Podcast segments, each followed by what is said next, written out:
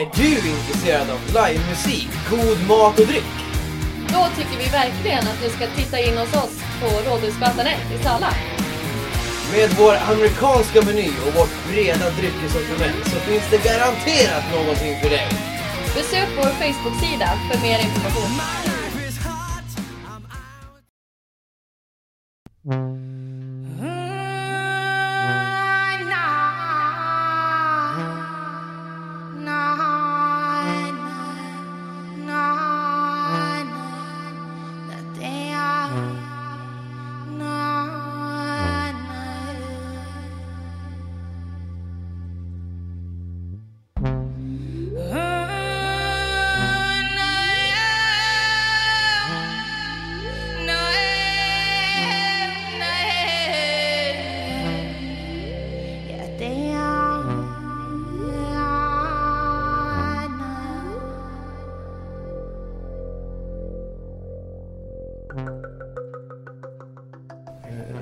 Jag lyssnade faktiskt på den nya skivan på vägen hit i Mm. bilen.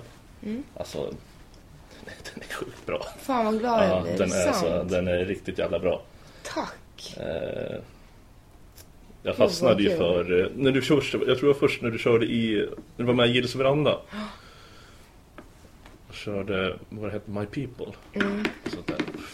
Nej vad glad jag blir. är Gud vad kul att säga det. Insane. Alltså, jag har lyssnat igenom ganska mycket av det du har gjort. Mm. Och du har ju väldigt brett register. Mm.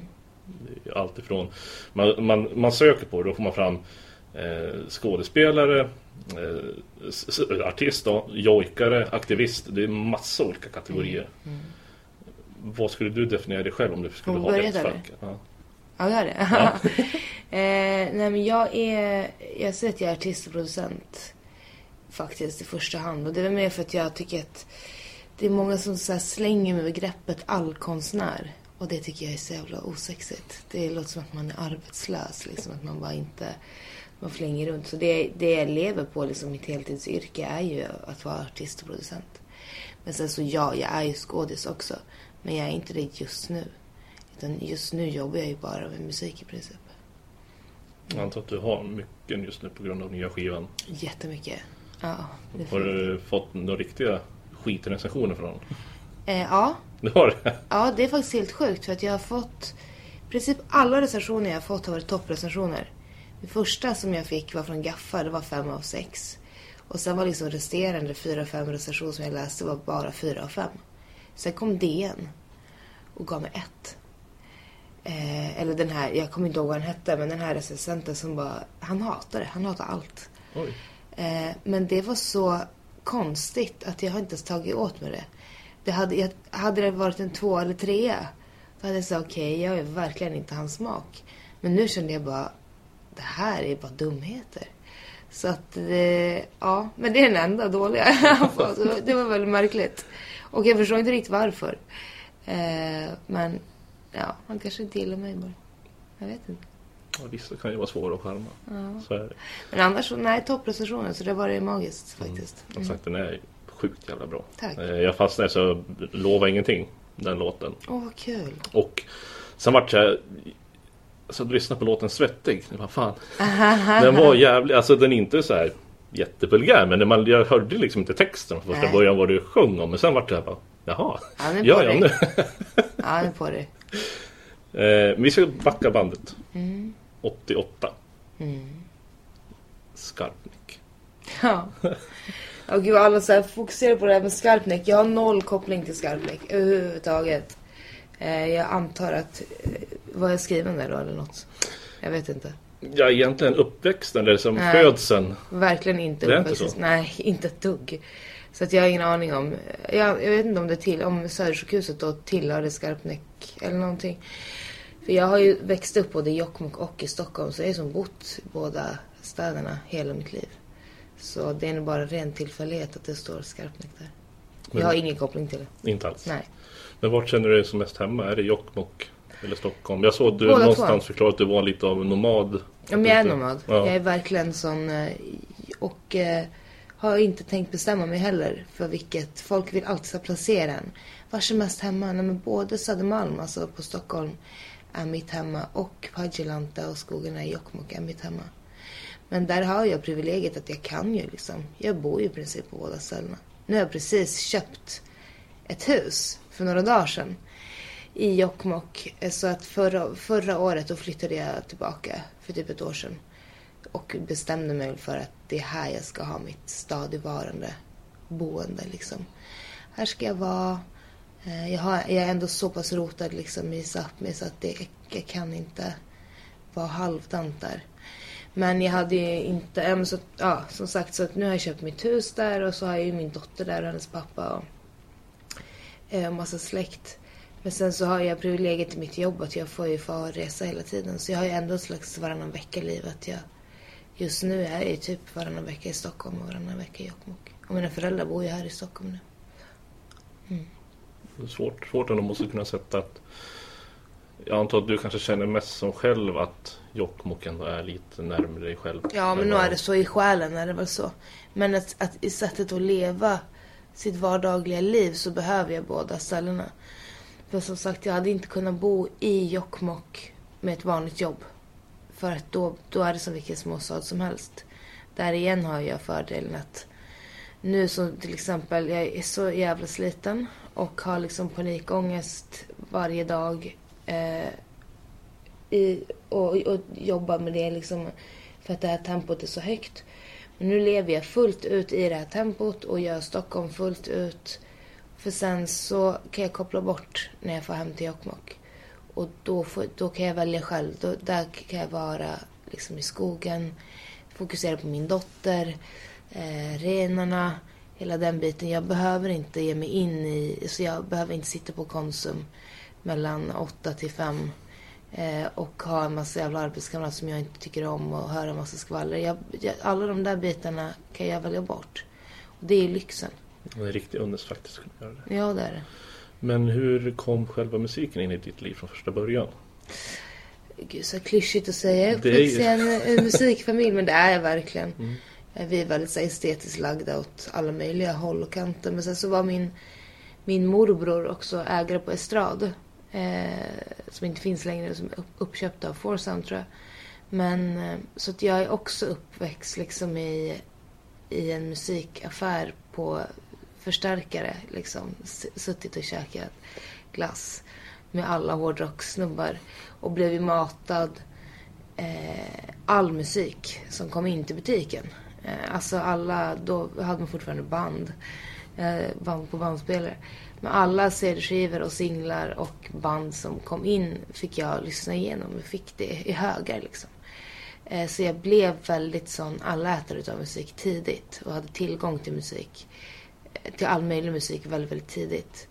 Och då var ju det ett privilegium. Nu har ju folk Spotify. Det fanns ju inte då. Utan då samlade man ihop sin veckopeng till att gå och köpa den där singeln. Och så önskade man sig albumet till födelsedagspresent ungefär. Eh, men så jag var väldigt lyckligt lottad att fick ta del av stor spridning liksom av musik. Ja, jäkla uppväxten och skönt. Mm.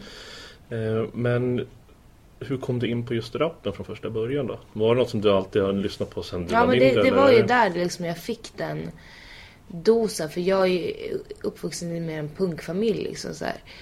Punk... Eh, det, var, det var inga... Om du har lyssnat på min skiva så Kvinnosak är låten till min mamma. Mm, jeansjacka, eller skinnjacka eller... precis. Det fanns liksom inga fula axelvaddar och hockeyfrilla hemma hos mig när jag växte upp utan eh, det var punk och hårdrock och eh, typ nationalteatern liksom så här. Och folkmusik i andra hörnet. Eh, och hiphop fanns inte alls förutom på de där gömda små singlarna och skivorna som, som min morbror slank in. Som jag fastnade väldigt hårt för. Och där blev jag också influerad mycket utav eh, någon som jag väljer bort att lyssna på idag med Michael Jackson, eh, TLC, Salt and Pepper, eh, Buster Rhymes, alla de som inte, jag tror många i min ålder hade tillgång till eller ens visste vilka det var då. Eh, så att det, ja det var väldigt tidigt. Och sen har du ju, bortsett från rappen, så kommer man in på jojken. Ja. Eh, för- har du hållit på med det sen du var... Ja, det är väl som mitt första språk kan jag väl säga. Så att den ser jag som egentligen någonting annat än än mus, musik. Alltså det, jojken, om jag ska förklara den på bästa sätt så brukar jag säga att man jojkar aldrig om någonting, man jojkar någonting. Och det kan vara allt från en känsla, ett minne, en person, ett djur, ett objekt, Ehm, en situation. Så det är också en berättarteknik på något sätt. Och, men ett uttryck i min kultur som man ofta använder sig av när man inte tycker att ord räcker till. Eller så här, allt kan du inte beskriva med ord. Det är bättre att tonsätta en känsla. Och det har jag haft sedan barnsben. Liksom. Jag kommer från en väldigt sån starkt, eh, ja, men starkt kulturellt knuten familj i Sápmi. Där jojken har varit väldigt central. Och min Adja, min morfar, är väldigt duktig jojkare. Och, och den har varit så naturlig hos oss att han kan sitta och berätta en historia. Vi kan sitta runt köksbordet och han sitter och berättar en historia. sen så avbryter han historien i en mening och drar en jojk som har någon slags koppling till den där historien. Och sen fortsätter han berätta. Och folk som inte har varit med om det blir helt chockade och undrar vad fan han håller på med. Liksom. Men, men så naturlig har den varit i mitt hem. Och det var också därför jag började göra musik. Därför att jag tyckte att jojkscenen var så smal. Och var, det, var, det var så förknippat med world music. mera. Eh, och jag tänkte att jag...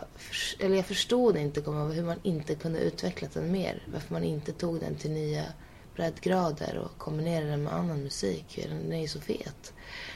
Eh, och lite samma var det då med hiphopen. Att jag älskade den och rappen och hela ordteknik. Alltså ordkonstnärerna som skrev de här texterna. Och, men jag sökte också något som jag kunde relatera till mer. Det som inte fanns. En musikgenre som inte fanns. Och det är där de två världarna möttes. När man listar ut att då får jag väl göra det själv. Då. Så jojken måste jag, inte bara jojken i sig, men man ser folkmusik i sig har ju mm. fått ett väldigt genomslag de senaste åren. Eh, tänker mest på dig då. Sen har du ju Jon Henrik Fjällgren som var med i Talang mm. och gick vidare ganska långt. Eh, Sofia Jannok, hon mm. har gjort väldigt mycket. Mm. Eh, och sen finns det ju det här mycket, vad säger, vad säger de? Det fornnordiska som har kommit in mm. eh, med band som Vardruna och mm. allt vad de heter. Mm. Mycket sånt blir väldigt populärt nu.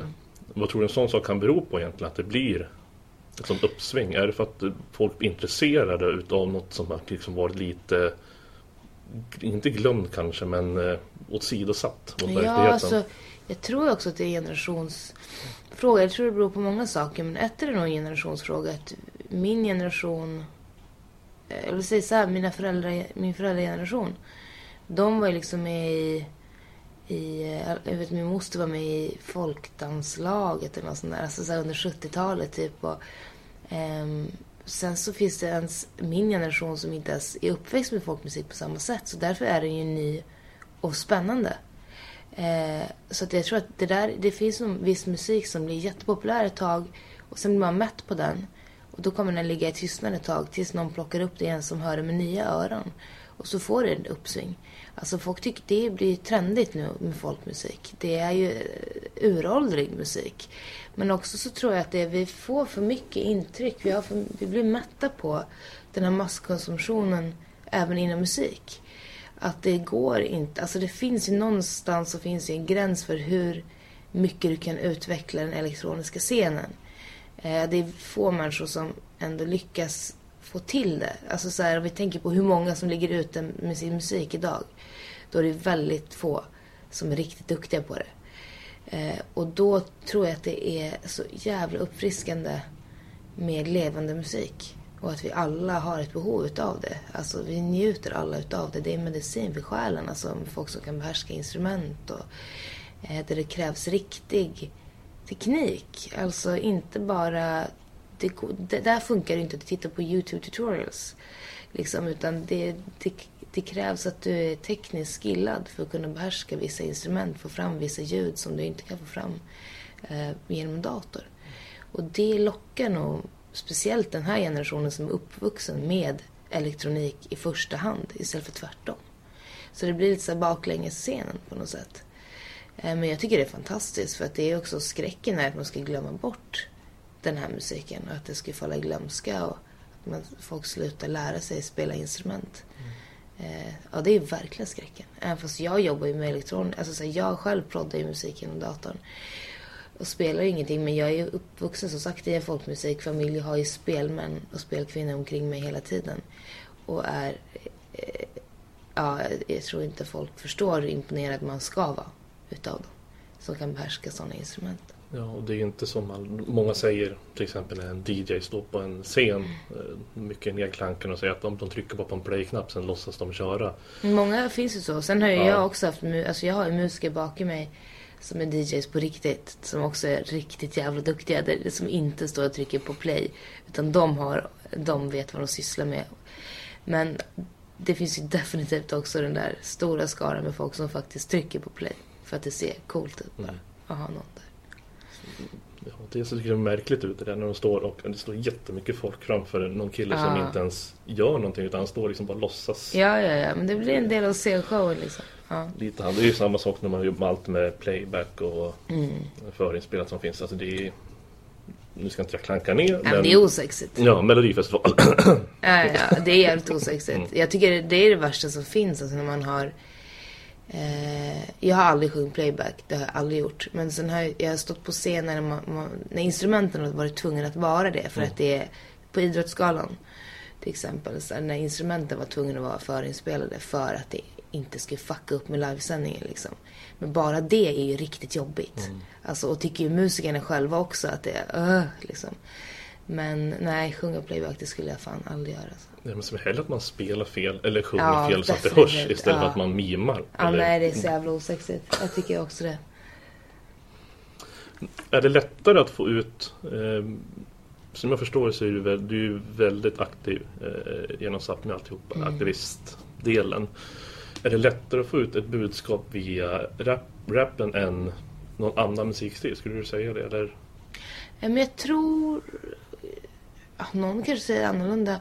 Om det är lättare? Men på ett sätt så tror jag att det är det. Därför att rap har ju ändå den... Är ju uppbyggd på ett sånt sätt att det är enkelt att vara väldigt rak. Eh, utan att du, du är inte beroende av melodier på samma sätt. Liksom för att få en bra låt. Eh, och sen att det, det får plats väldigt mycket ord. Eh, ofta i en raplåt. Eh, den är väldigt direkt och rakt på. Och den är, som sagt, den är uppbyggd på ett, det är ett lätt sätt att gå i, i, eh, i attack. Eh, då menar jag inte attack bara med en bam, bam, bam negativt. Utan det kan vara positivt också. Men, men eh, ja, jag, jag tycker att det är väldigt effektivt faktiskt. Att bygga upp texter inom rapmusik som är, har ett budskap. Kommer du någonsin testa någon annan musikstil? Än, utan du skulle testa att gå in på hårdrock? Nej, nej. Alltså så här, då, det finns ju det här programmet. Jag har faktiskt blivit tillfrågad att vara med i det några gånger. Eh, Stjärnornas stjärnor? ja, precis. Och det, det känner jag också så här. Är cringe level det där. Ja, det Jag- är det. Jag, jag, jag kan inte riktigt förstå det. Så, så här, jag har ingen... Eh, alltså jag är ju den artist jag är för att jag är som jag är. Det hade varit att klä på mig en kostym om jag skulle plötsligt... Sen är det en annan sak om jag känner att jag... Eh, alltså om jag hade varit en hårdrocksälskare också, men jag är ju inte det. Så att det, det hade blivit märkligt för mig att iklä mig en annan genre och försöka låta på ett annat sätt. Sen så kan jag ju sjunga, men bara för att jag kan det så betyder det inte att jag skulle vilja.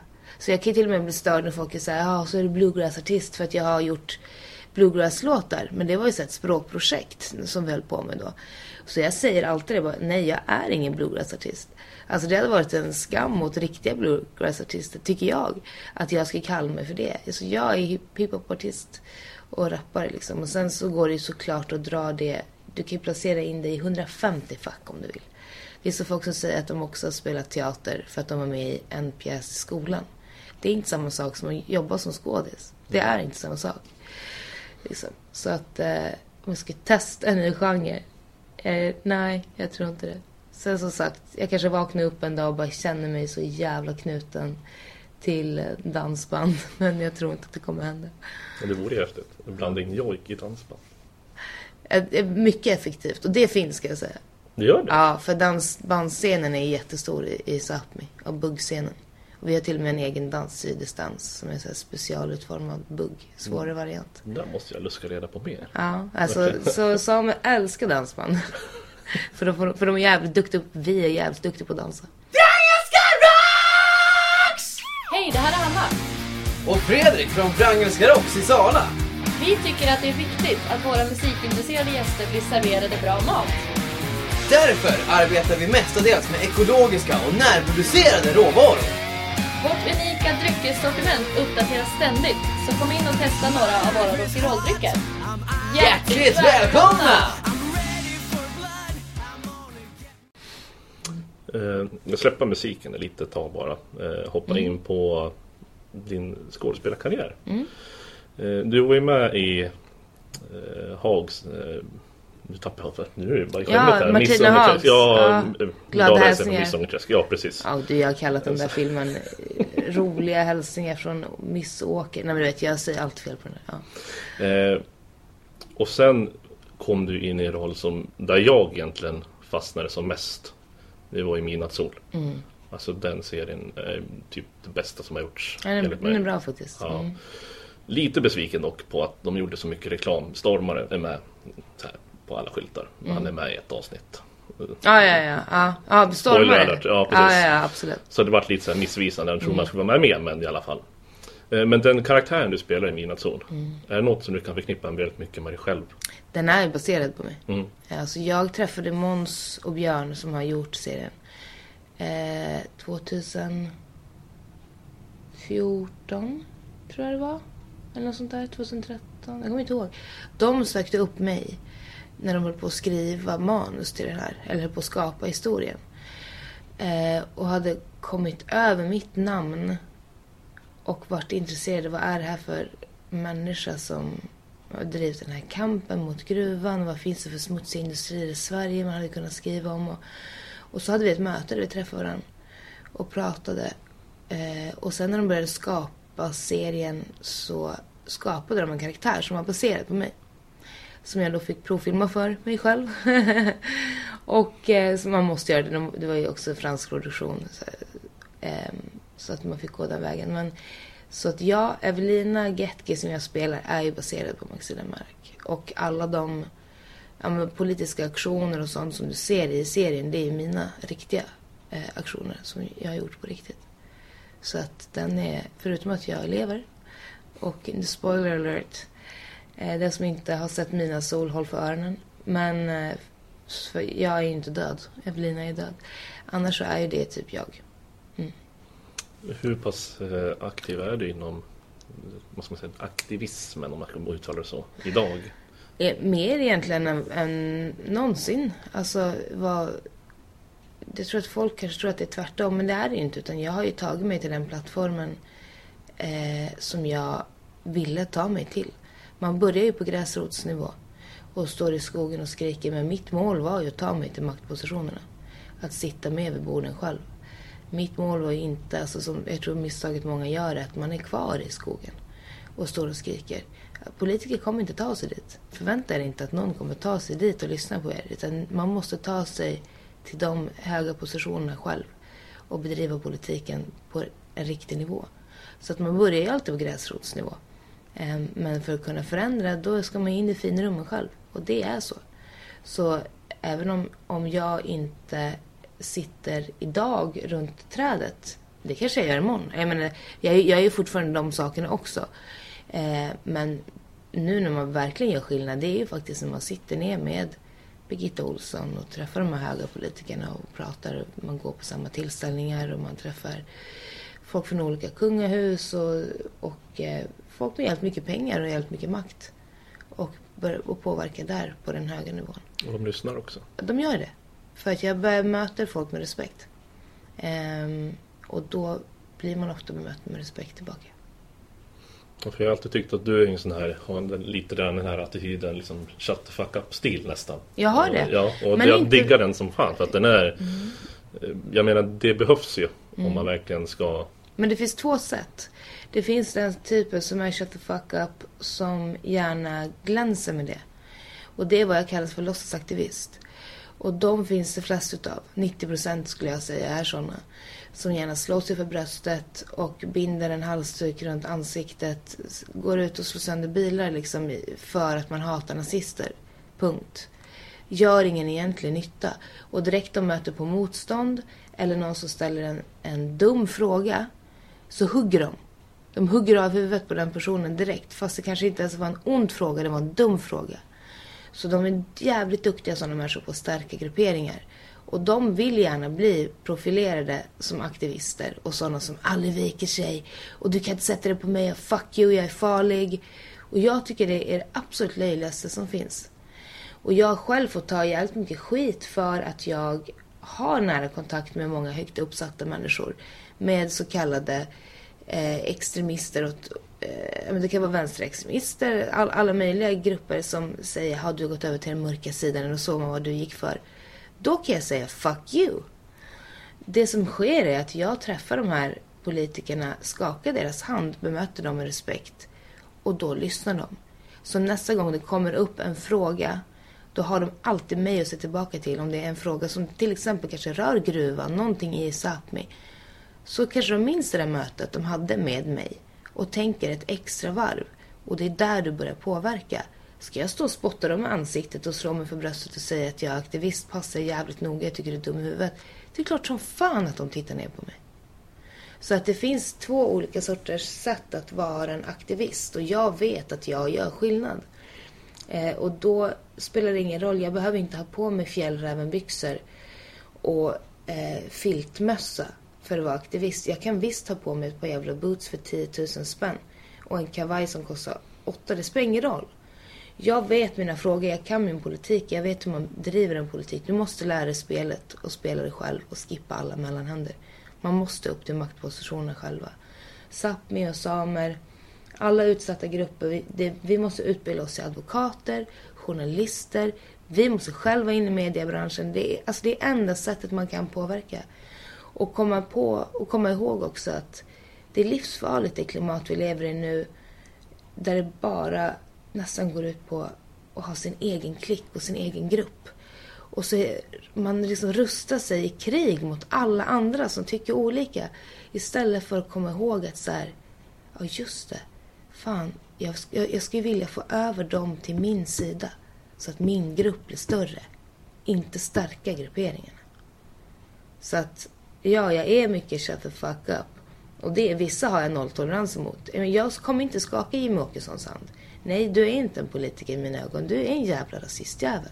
Du ska inte in i finrummen. Det tycker inte jag. Släpp inte in han. En gris ska inte sitta i TV4 Nyhetsmorgon och prata. Och, och det ska inte finnas nazister och rasister som eh, är på samma nivå som mig. Det är inte på samma, de är inte på samma nivå som mig eller dig. Det där, de, de är svin. De är svin. Där är nolltolerans. Men när det gäller liksom Vänsterpartiet versus Moderaterna. Nu börjar Moderaterna tyvärr närma sig brunskjortorna väldigt mycket också. Med nytt styre. Men om vi säger ah, men blåa partier versus röda partier. Så är det ofta en fråga om att man kanske har samma mål men olika sätt att nå dit. Men till exempel med Sverigedemokraterna, vi har inte samma mål. Så det, ja absolut, shut the fuck up. Vissa har jag nolltolerans mot. Men vissa måste man vara mycket smartare med. Mm. Ja, det är vettigt. Absolut. Eh, vad skulle du säga Men du måste vara med mig. Man möter många som tycker att de är jävligt coola själva. Ja, ja, ja, absolut. Eh, och ska vara lite dryga och svåra. Kom redan nu när jag skulle parkera bilen i garaget här nere. Mm. Eh, då var det någon gubbe som började skrika om att jag ställt mig för nära hans bil. Bortsett att han hade parkerat väldigt snett. Bara en sån sak. Mm. Då ifrågasatte jag bara och då började han skrika ännu mer. Sen gick jag bara därifrån. Ja. Men jag menar det är liksom... Ja, hävda sig lite. Varför kan man inte bara tala i lugn och ro sansat? Mm. Mm. Utan, nej, det ska alltid härjas. Eh, vad skulle du säga är den största missuppfattningen om eh, alltså den samiska kulturen idag? Som du oftast får höra. Mm, den största missuppfattningen? Svår fråga. Det beror lite på var du är i landet. Men jag tror väl... Jag tror nog många tänker att vi är... Men gud, det finns väldigt... Fan, den var jävligt svår. Den största missuppfattningen.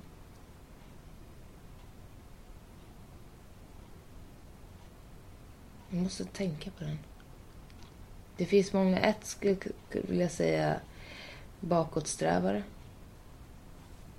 ehm, när man snar, när det snarare kan tycka att vi är de som tänker allra mest långsiktigt. eh, faktiskt. Men, eh, ja, men så tror jag nog att faktiskt så ligger det nog i mångas tanke att vi är väldigt outbildade fortfarande. Det är verkligen tvärtom. De högst utbildade vänner jag har är samer. Faktiskt. Eh, och jag tror att det är många har en missuppfattning att vi är lite så underutvecklade fortfarande. Skogsmullar liksom. Det är ändå sjukt att det är 2019 och det Mm. finns liksom kvar sådana missuppfattningar. Mm. Att jag förstår inte riktigt det där. Hur, alltså hur folk är funtade. Alltså, Ja. Ja, jag förstår det. Det, jag menar, det är ändå en politik som har drivits i Sverige. Det, alltså, Du är ju mer insatt i Ja. den frågan än vad jag Ja, ja. är. Jag har liksom bara koll på det som man har sett och läst. mm. Det det. det du inte vet... Det är, alltså, Sverige är jävligt duktig på att tysta kultur. Alltså de dödar ju folk med tystnad. Så ju mindre du vet om en kultur desto svårare blir det för kulturen sen hävda sig. Det är ju så. Mm, det är jäkligt märkligt ändå. Eh, gå in på sociala medier. Mm. Och jag har ju följt dig på Instagram väldigt länge. Eh, vet inte hur pass länge nu. Eh, men alltså, ja, och sen har man sett folk har kommenterat så mycket hat mot dig. Alltså så att man blir nästan mörkrädd. Mm. Hur, alltså, hur klarar man av det där egentligen? Att, för att menar, du måste ju ändå se alla kommentarer som Mm, kommer. Mm, jag gör det. Alltså ger, ger det dig bara mer liksom, energi och kraft på att liksom, fortsätta? Eller känner du någonstans liksom, att fan nej, nu stänger jag av Det beror allt? på vilken, vad de handlar om faktiskt. Det har varit väldigt mycket fokus på, alltså vi säger så här, om det är rent politiskt. Då är det extremt, det kan jag läsa allt. Eh, det är väldigt lätt för mig att argumentera emot. Eh, när det kommer till politik och, och, och så. Eh, men sen, sen jag, blir, jag blir väldigt också kritiserad för mitt utseende. Mm. Och den är mycket svårare att värja sig emot. För att även om jag... Jag är jävligt duktig ska jag säga på att inte gå in och... Alltså jag aktivt... Eh, jag läser ingenting aktivt om mig själv. Jag googlar aldrig mig själv. Eh, jag vet att folk kan skriva till mig ibland. Gud, har du sett den här och den här gruppen? Vad de har skrivit om dig? Då klickar jag då blockar jag på en gång. Alltså jag, så att jag inte ens hinner se det. Eh, Men som sagt, när det är sådana kommentarer, typ på Instagram. Alltså samma, jag tar bort det innan, när de skickar privat också, tar jag bort det innan jag hinner läsa det. Um, för att gardera mig. Men sånt som ligger öppet och så, det hinner jag ju läsa. Och det... um, det har faktiskt tagit ganska hårt på mig i perioder. När man, när man har gått på mitt utseende. Och förut gjorde det inte det, men så gick jag in i väggen för två år sedan. Och blev väldigt, väldigt, väldigt sjuk. Um, riktigt dålig. Så att jag trodde att jag nästan var... Att jag hade en dödlig sjukdom. Liksom. Och ingen läkare hittade någonting. Och jag fick liksom 20 nya allergier. Jag tappade jättemycket vikt. Och var så trött och fick ännu värre panikångestattacker. Och då när man redan känner sig helt förstörd och trasig. Och trodde att jag skulle dö faktiskt. Eh, och ingen hittade någon förklaring till vad som hände med min kropp och, och varför jag blev allergisk mot allt och fick sjukt, alltså enorma allergiska reaktioner så jag fick åka in och ut på akuten med sprutor liksom. Och, och när man redan är där och känner sig helt förstörd i sig själv och får läsa att man är en skugga av sitt forna jag liksom och att, att, eh, att man ser anorektisk ut och så vidare. Det, var, det har varit jättetufft. För att det var ingenting jag kunde påverka. Utan då, då kände jag mig, jag har aldrig känt mig så jävla ful. Jag har aldrig känt mig ful på det sättet. Men jag gjorde verkligen det då för jag var så, jag var så dålig. Jag gick verkligen in i väggen. Mitt psyke var så, jag var så trasig. Så att när, när folk sen bekräftar det. Det var tufft alltså. Jättetufft. Och det får jag, jag får hela tiden, nu är det två år sedan. Och fortfarande måste jag stå till svars för att jag gick in i väggen. Och hela tiden ge svar på tal till, till varför jag blir- är så smal och varför jag ser ut si och så. Och folk är riktigt elaka alltså. De är det. Och jag har sett mycket av kommentarerna. Men det är ju oftast då, eh, skulle man möta dem face to face.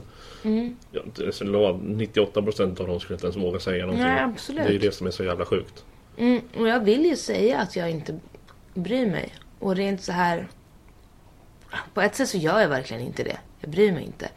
Men du kan inte... Alltså, det är likadant som du kan inte välja vem du blir kär i. Eh, Du kan heller inte välja vad som, vad som sticker till in i hjärtat. Det kan du inte välja. Och det är klart att det har gjort det. Och, att, och jag är väldigt ledsen för att det har gjort det. För att det är sånt där känsla som man inte har upplevt sedan man var barn. Ja, det är hemskt det som folk beter sig. Men förr eller senare kommer det till en gräns där liksom allting kommer att fallera. Ja, Eh, alla är skapta byggda på att tåla olika mycket. Så är ja det. men det gjorde ju att jag till slut så här, men i perioder fick social fobi nästan. Att jag inte ville, jag ville inte gå och bada, jag ville inte röra mig bland folk och så. För att jag kände att det är hela tiden någon som, alla ser mig och vet vem jag är och alla har en åsikt om mitt utseende. Hela tiden. Hur jag än ser ut. När jag tränade som mest, då såg jag ut som en man och då fick jag höra att jag, att jag var för musklig och då var det hit och dit. Och, och sen så när man slutar träna för att man går in i väggen och försöker bli frisk igen, då får man höra att man ser ut som ett skelett och som en Auschwitz-fånge. Och, och sen när man börjar må lite bättre, då kommer man få höra, alltså, som, då kommer man få, jag bara går och väntar på att folk ska börja skriva att jag blir för tjock och, så det kommer. Men det jag kan säga, det, det enda du kan göra det är att, att eh, du, man måste blunda direkt man vet att det är på väg. Alltså man måste aktivt hela tiden välja bort det. Eh, jag har på riktigt inte läst någonting om mig själv som jag inte har bara råkat komma över på flera år. Och jag skulle aldrig gå in och göra det. Och jag skulle aldrig ge svar på tal heller. Eh, sen kan man göra det i det stora hela ibland. Men, men gå aldrig in och argumentera med sådana människor. För det här är mobbare. På samma sätt som de, de mobbade folk säkert när de var åtta år. Så har de fortsatt nu när de är 28, 38, 48. Eh, det är sådana personer man ändå inte vill ha i sin umgängeskrets. Så det är bara att tänka på vad, alltså vad är det för vidriga människor som säger så om andra. Man kan, man kan inte ta sådana på orden. För det, det är vidriga människor. Det är, sånt, det är liksom de sista personerna man ska lyssna på här i världen. Mm, Många av dem sitter säkert hemma och har Ja, små ja. Mm. barn och familj och hela alltihopa. Men ja, och sen så blir det, dessvärre så blir man ju, man blir ju lite hårdare. Och mycket mer vaksam. Liksom på sin vakt. Av svår att släppa in folk in på sig. Det är konsekvensen. Ja. Så vi går tillbaka till musiken. Ja. Det har varit mycket, mycket djupt här kan man säga. Mm. Men din nya skiva kommer ju ut här den sjätte. Mm. Om jag inte missminner mig helt fel. Mm. Vilken jävla koll jag har. Jag har inte alls ett Ja, jag bara, mm, det kan mycket väl vara någon annan dator som jag glömde bort. det Eh, ar- arbetet bakom den här skivan. Ja. Hur gick det till lite grann? Alltså med många låtar som på Som jag har märkt när jag lyssnade så är det inte så mycket eh, Ska man säga samhällsrelaterat texter utan mycket är det verkar vara dina egna tycken och tankar. Mm, det kan nog stämma Eh, faktiskt. Ja. Fast det är ändå ganska samhällsrelaterat tycker jag ändå. Alltså kvinnosak, fel Ja. sida av slottet, vände jag om. Det är ändå väldigt aktuella problem tycker jag. Men det är ju såklart från mitt perspektiv. Är det. Men jag har jobbat med det här albumet sen, jag började jobba i för ett år sedan ungefär med det. Och det tog väl sin spurt just mot slutet. Där det kändes som att allt då började jag se klart vad det här kunde bli. Eh, men jag har jobbat jättehårt med det. Med fantastiska människor. Och eh, ja, jag är extremt stolt. Jag hade aldrig kunnat gjort det innan. Alltså, jag hade inte kunnat släppa det här albumet förut. Utan det har varit tvungen att ta sin tid.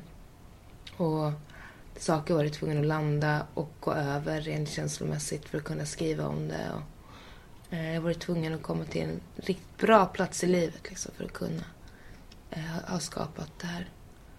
Och hittat den där, tycker jag att jag har gjort ändå, som jag verkligen har försökt. Den där hårfina gränsen mellan att behålla sig själv fullt ut och hålla det rått. Men ändå toucha det kommersiella liksom.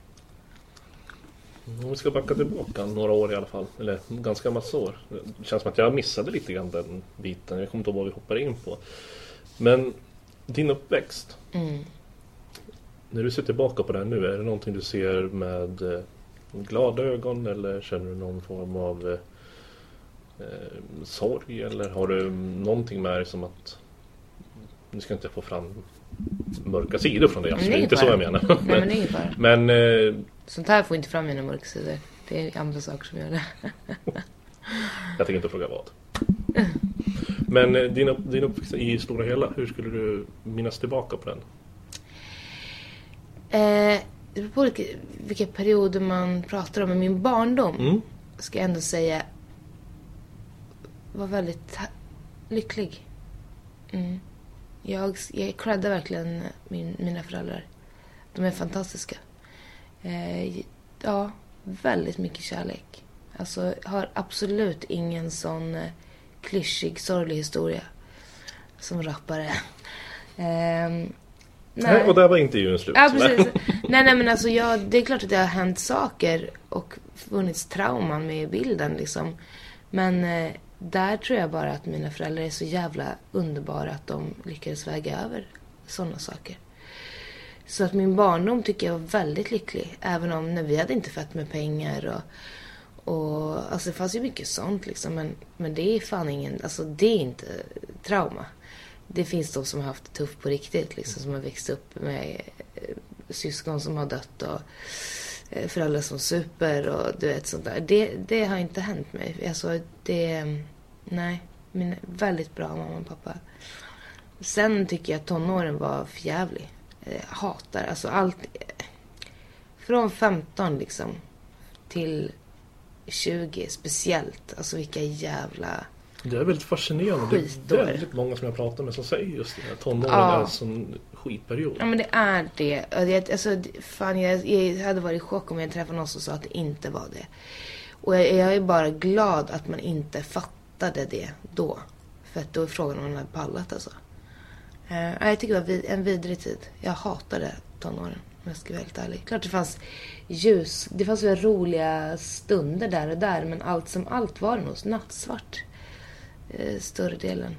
Där utvecklade jag verkligen min panikångest och ångest. Och jag har inte jättemånga härliga minnesbilder från den tiden. Nej. Jag har liksom så här, jo men den där roliga kvällen.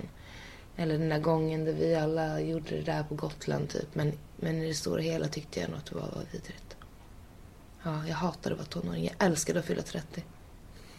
På riktigt.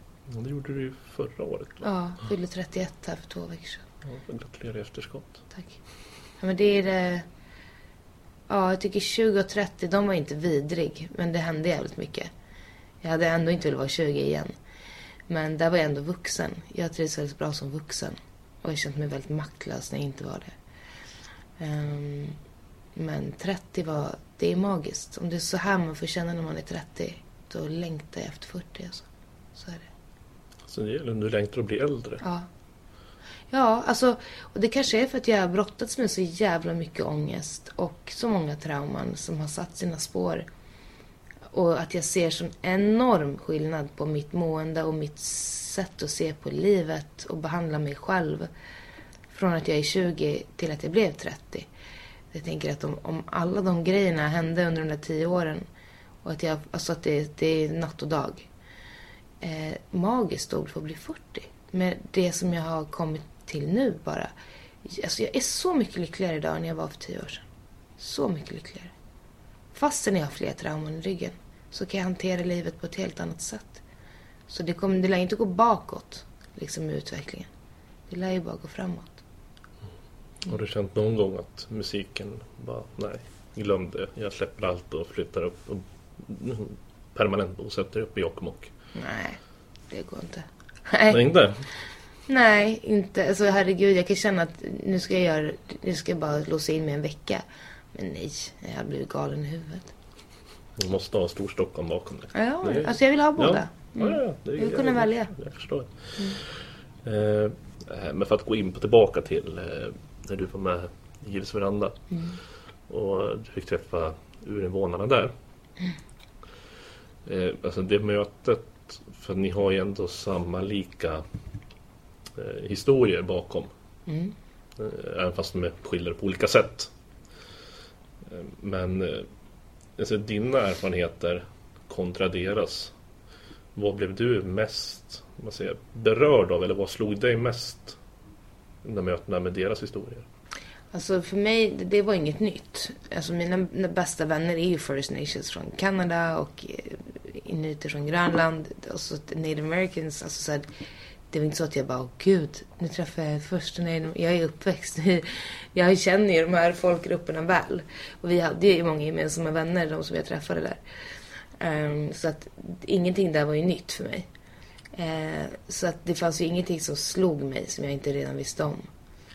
Det som är riktigt skrämmande är ju självmordsstatistiken är fruktansvärd. Och att det är lika vanligt överallt bland urfolk.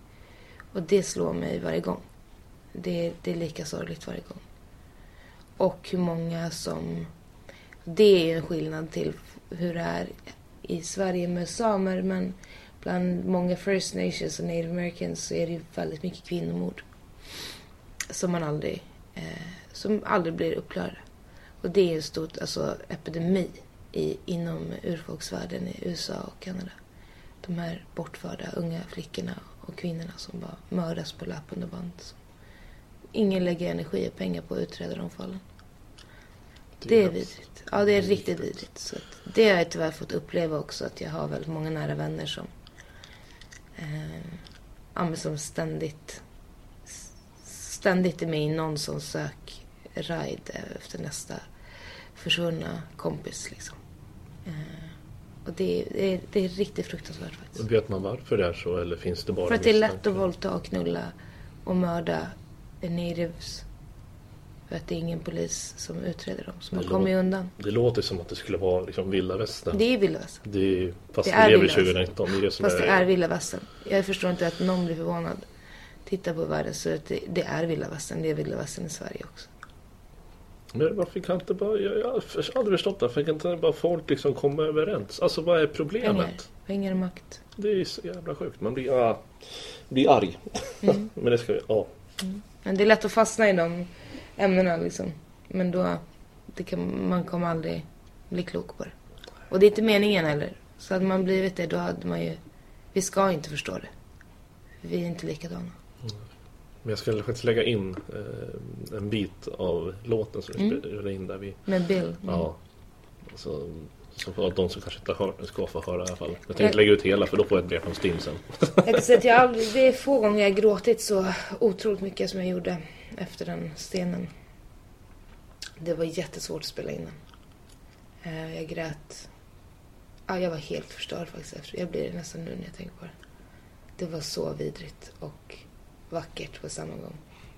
Men att stå där och veta hur många som hade blivit slaktad liksom. Precis där jag stod. Och det enda minnesmonumentet som var, var rest var för den här vita tobakshandlaren som var en tjuv. Som hade blivit skjuten för att de hade båda två hade supit och så hade den ena haft ihjäl den andra. Och han hade ett minnesmonument. Och så fanns det ingenting liksom, Då grät. Det heter ju The Trail of Tears också. Det stället Mm.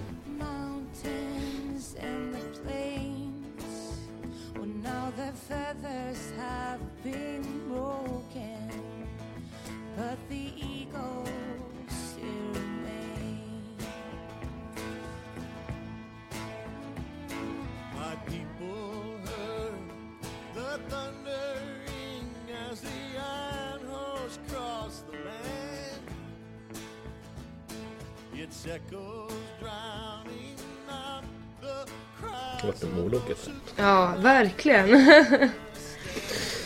Men eh, hur pass likt tycker du att det ändå är med eh, den amerikanska sidan kontra den svenska sidan? Eh, politiskt sett behöver vi absolut inte prata om. Det är liksom... Du tänker rent kulturellt? Mm. Väldigt likt.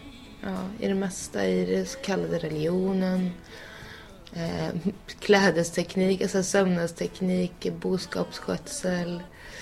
Nej men det, är, det mesta är likt bland alla urfolk. Det, jag tror att det är därför vi, vi känns som att vi är systrar och bröder alltid när vi möts. För att vi är som från samma ställe.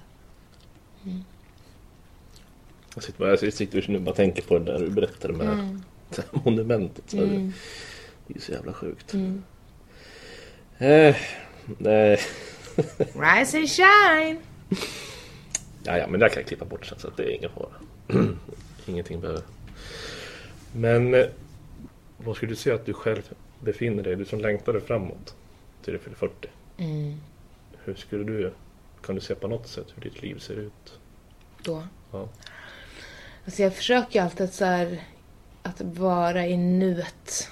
Och det låter ju också jävligt klyschigt men, men det menar jag att det är så himla lätt att bara jaga, jaga, jaga, jaga nästa sak liksom. Och glömma att stanna upp och bara shit, fan har jag gjort hittills? För jag vet när jag är riktigt gammal. Så det är mycket av det som händer nu är det jag kommer blicka tillbaks på och bara wow, jag fick göra det där. Och kommer ihåg när jag släppte mitt debutalbum, när jag reste, gjorde den där resan och det där, det där. Så det är så trist om man, hinner, om man inte hinner njuta av det. Att så här, fan försök njuta av framgången nu. Eh, jag menar, när jag ammade mitt barn och började prodda, det är liksom... Min dotter är sju år nu.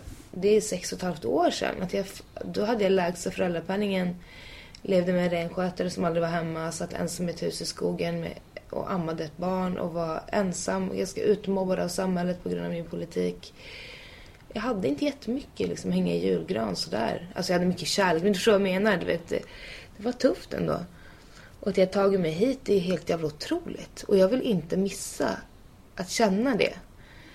Ehm, men när jag är 40, ja, jag hoppas att jag absolut är ekonomiskt oberoende. Det hade ju varit döskönt. Men att jag, att jag håller på med det jag gör nu och får styra min tid ännu mer. Och det är därför man vill bli ekonomiskt oberoende, för att kunna styra sin tid ännu, ännu mer. Liksom. Eh, sen vill jag bara vara... Det hade varit helt fantastiskt att få vara ångestfri. Och slippa leva med ångest. Och jag har, har inte haft ångest så mycket på ett tag. Det varit väldigt skönt. Men den har börjat komma tillbaka nu, panikångesten. Men det är nog för att jag stressar så mycket. Så att bli riktigt komma till bukt med det och få vara frisk. Det är ju guld. Har man väl varit sjuk en gång, då vet man att det är det enda man vill vara sen är att vara frisk. Så offentligheten och artisteriet har ju ändå en mörk baksida. Ja, det tar mycket på psyket. Det gör det. Man måste vara väldigt strikt. I alla fall jag. Går och lägger mig innan elva, jag festar inte. Sover för att jag vaknar alltid halv fem, fem så jag måste gå och lägga mig. Jag springer, är ute. Jag försöker vara ute lika mycket, men inte mer, än jag är inne. Liksom. Gör mina listor så att min hjärna kan få lite fokus. Jag måste ha städat runt mig, annars blir jag snurrig i huvudet. Liksom.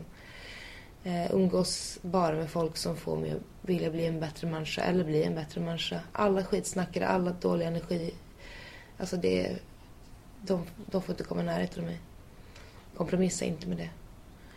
Eh, ja, jag har väldigt mycket sådana regler för att leva ett så fritt liv. Men måste man väl ändå kanske ha lite... Ja, jag tror det. Ja. Mm. Eh, jag känner att jag har fått med så mycket men så att jag sitter fortfarande och tänker på det här jävla... Åh, det är så sjukt. Men eh, jag känner att jag har fått med så väldigt mycket från dig nu. Vad härligt. Eh, nu vart det inte så jättemycket musikprat. Eller jo. Ja, ganska mycket det. Eh, men är det någonting som du skulle vilja säga som sista sak till de som lyssnar? Något? Ehm, ja, jag tror nog att vi ska försöka vara lite snällare överlag. Faktiskt. Det är ett hårt klimat. Det är inte, det är inte coolt att vara elak. Det låter som något man säger till barn men ibland måste man prata till folk som att de vore barn.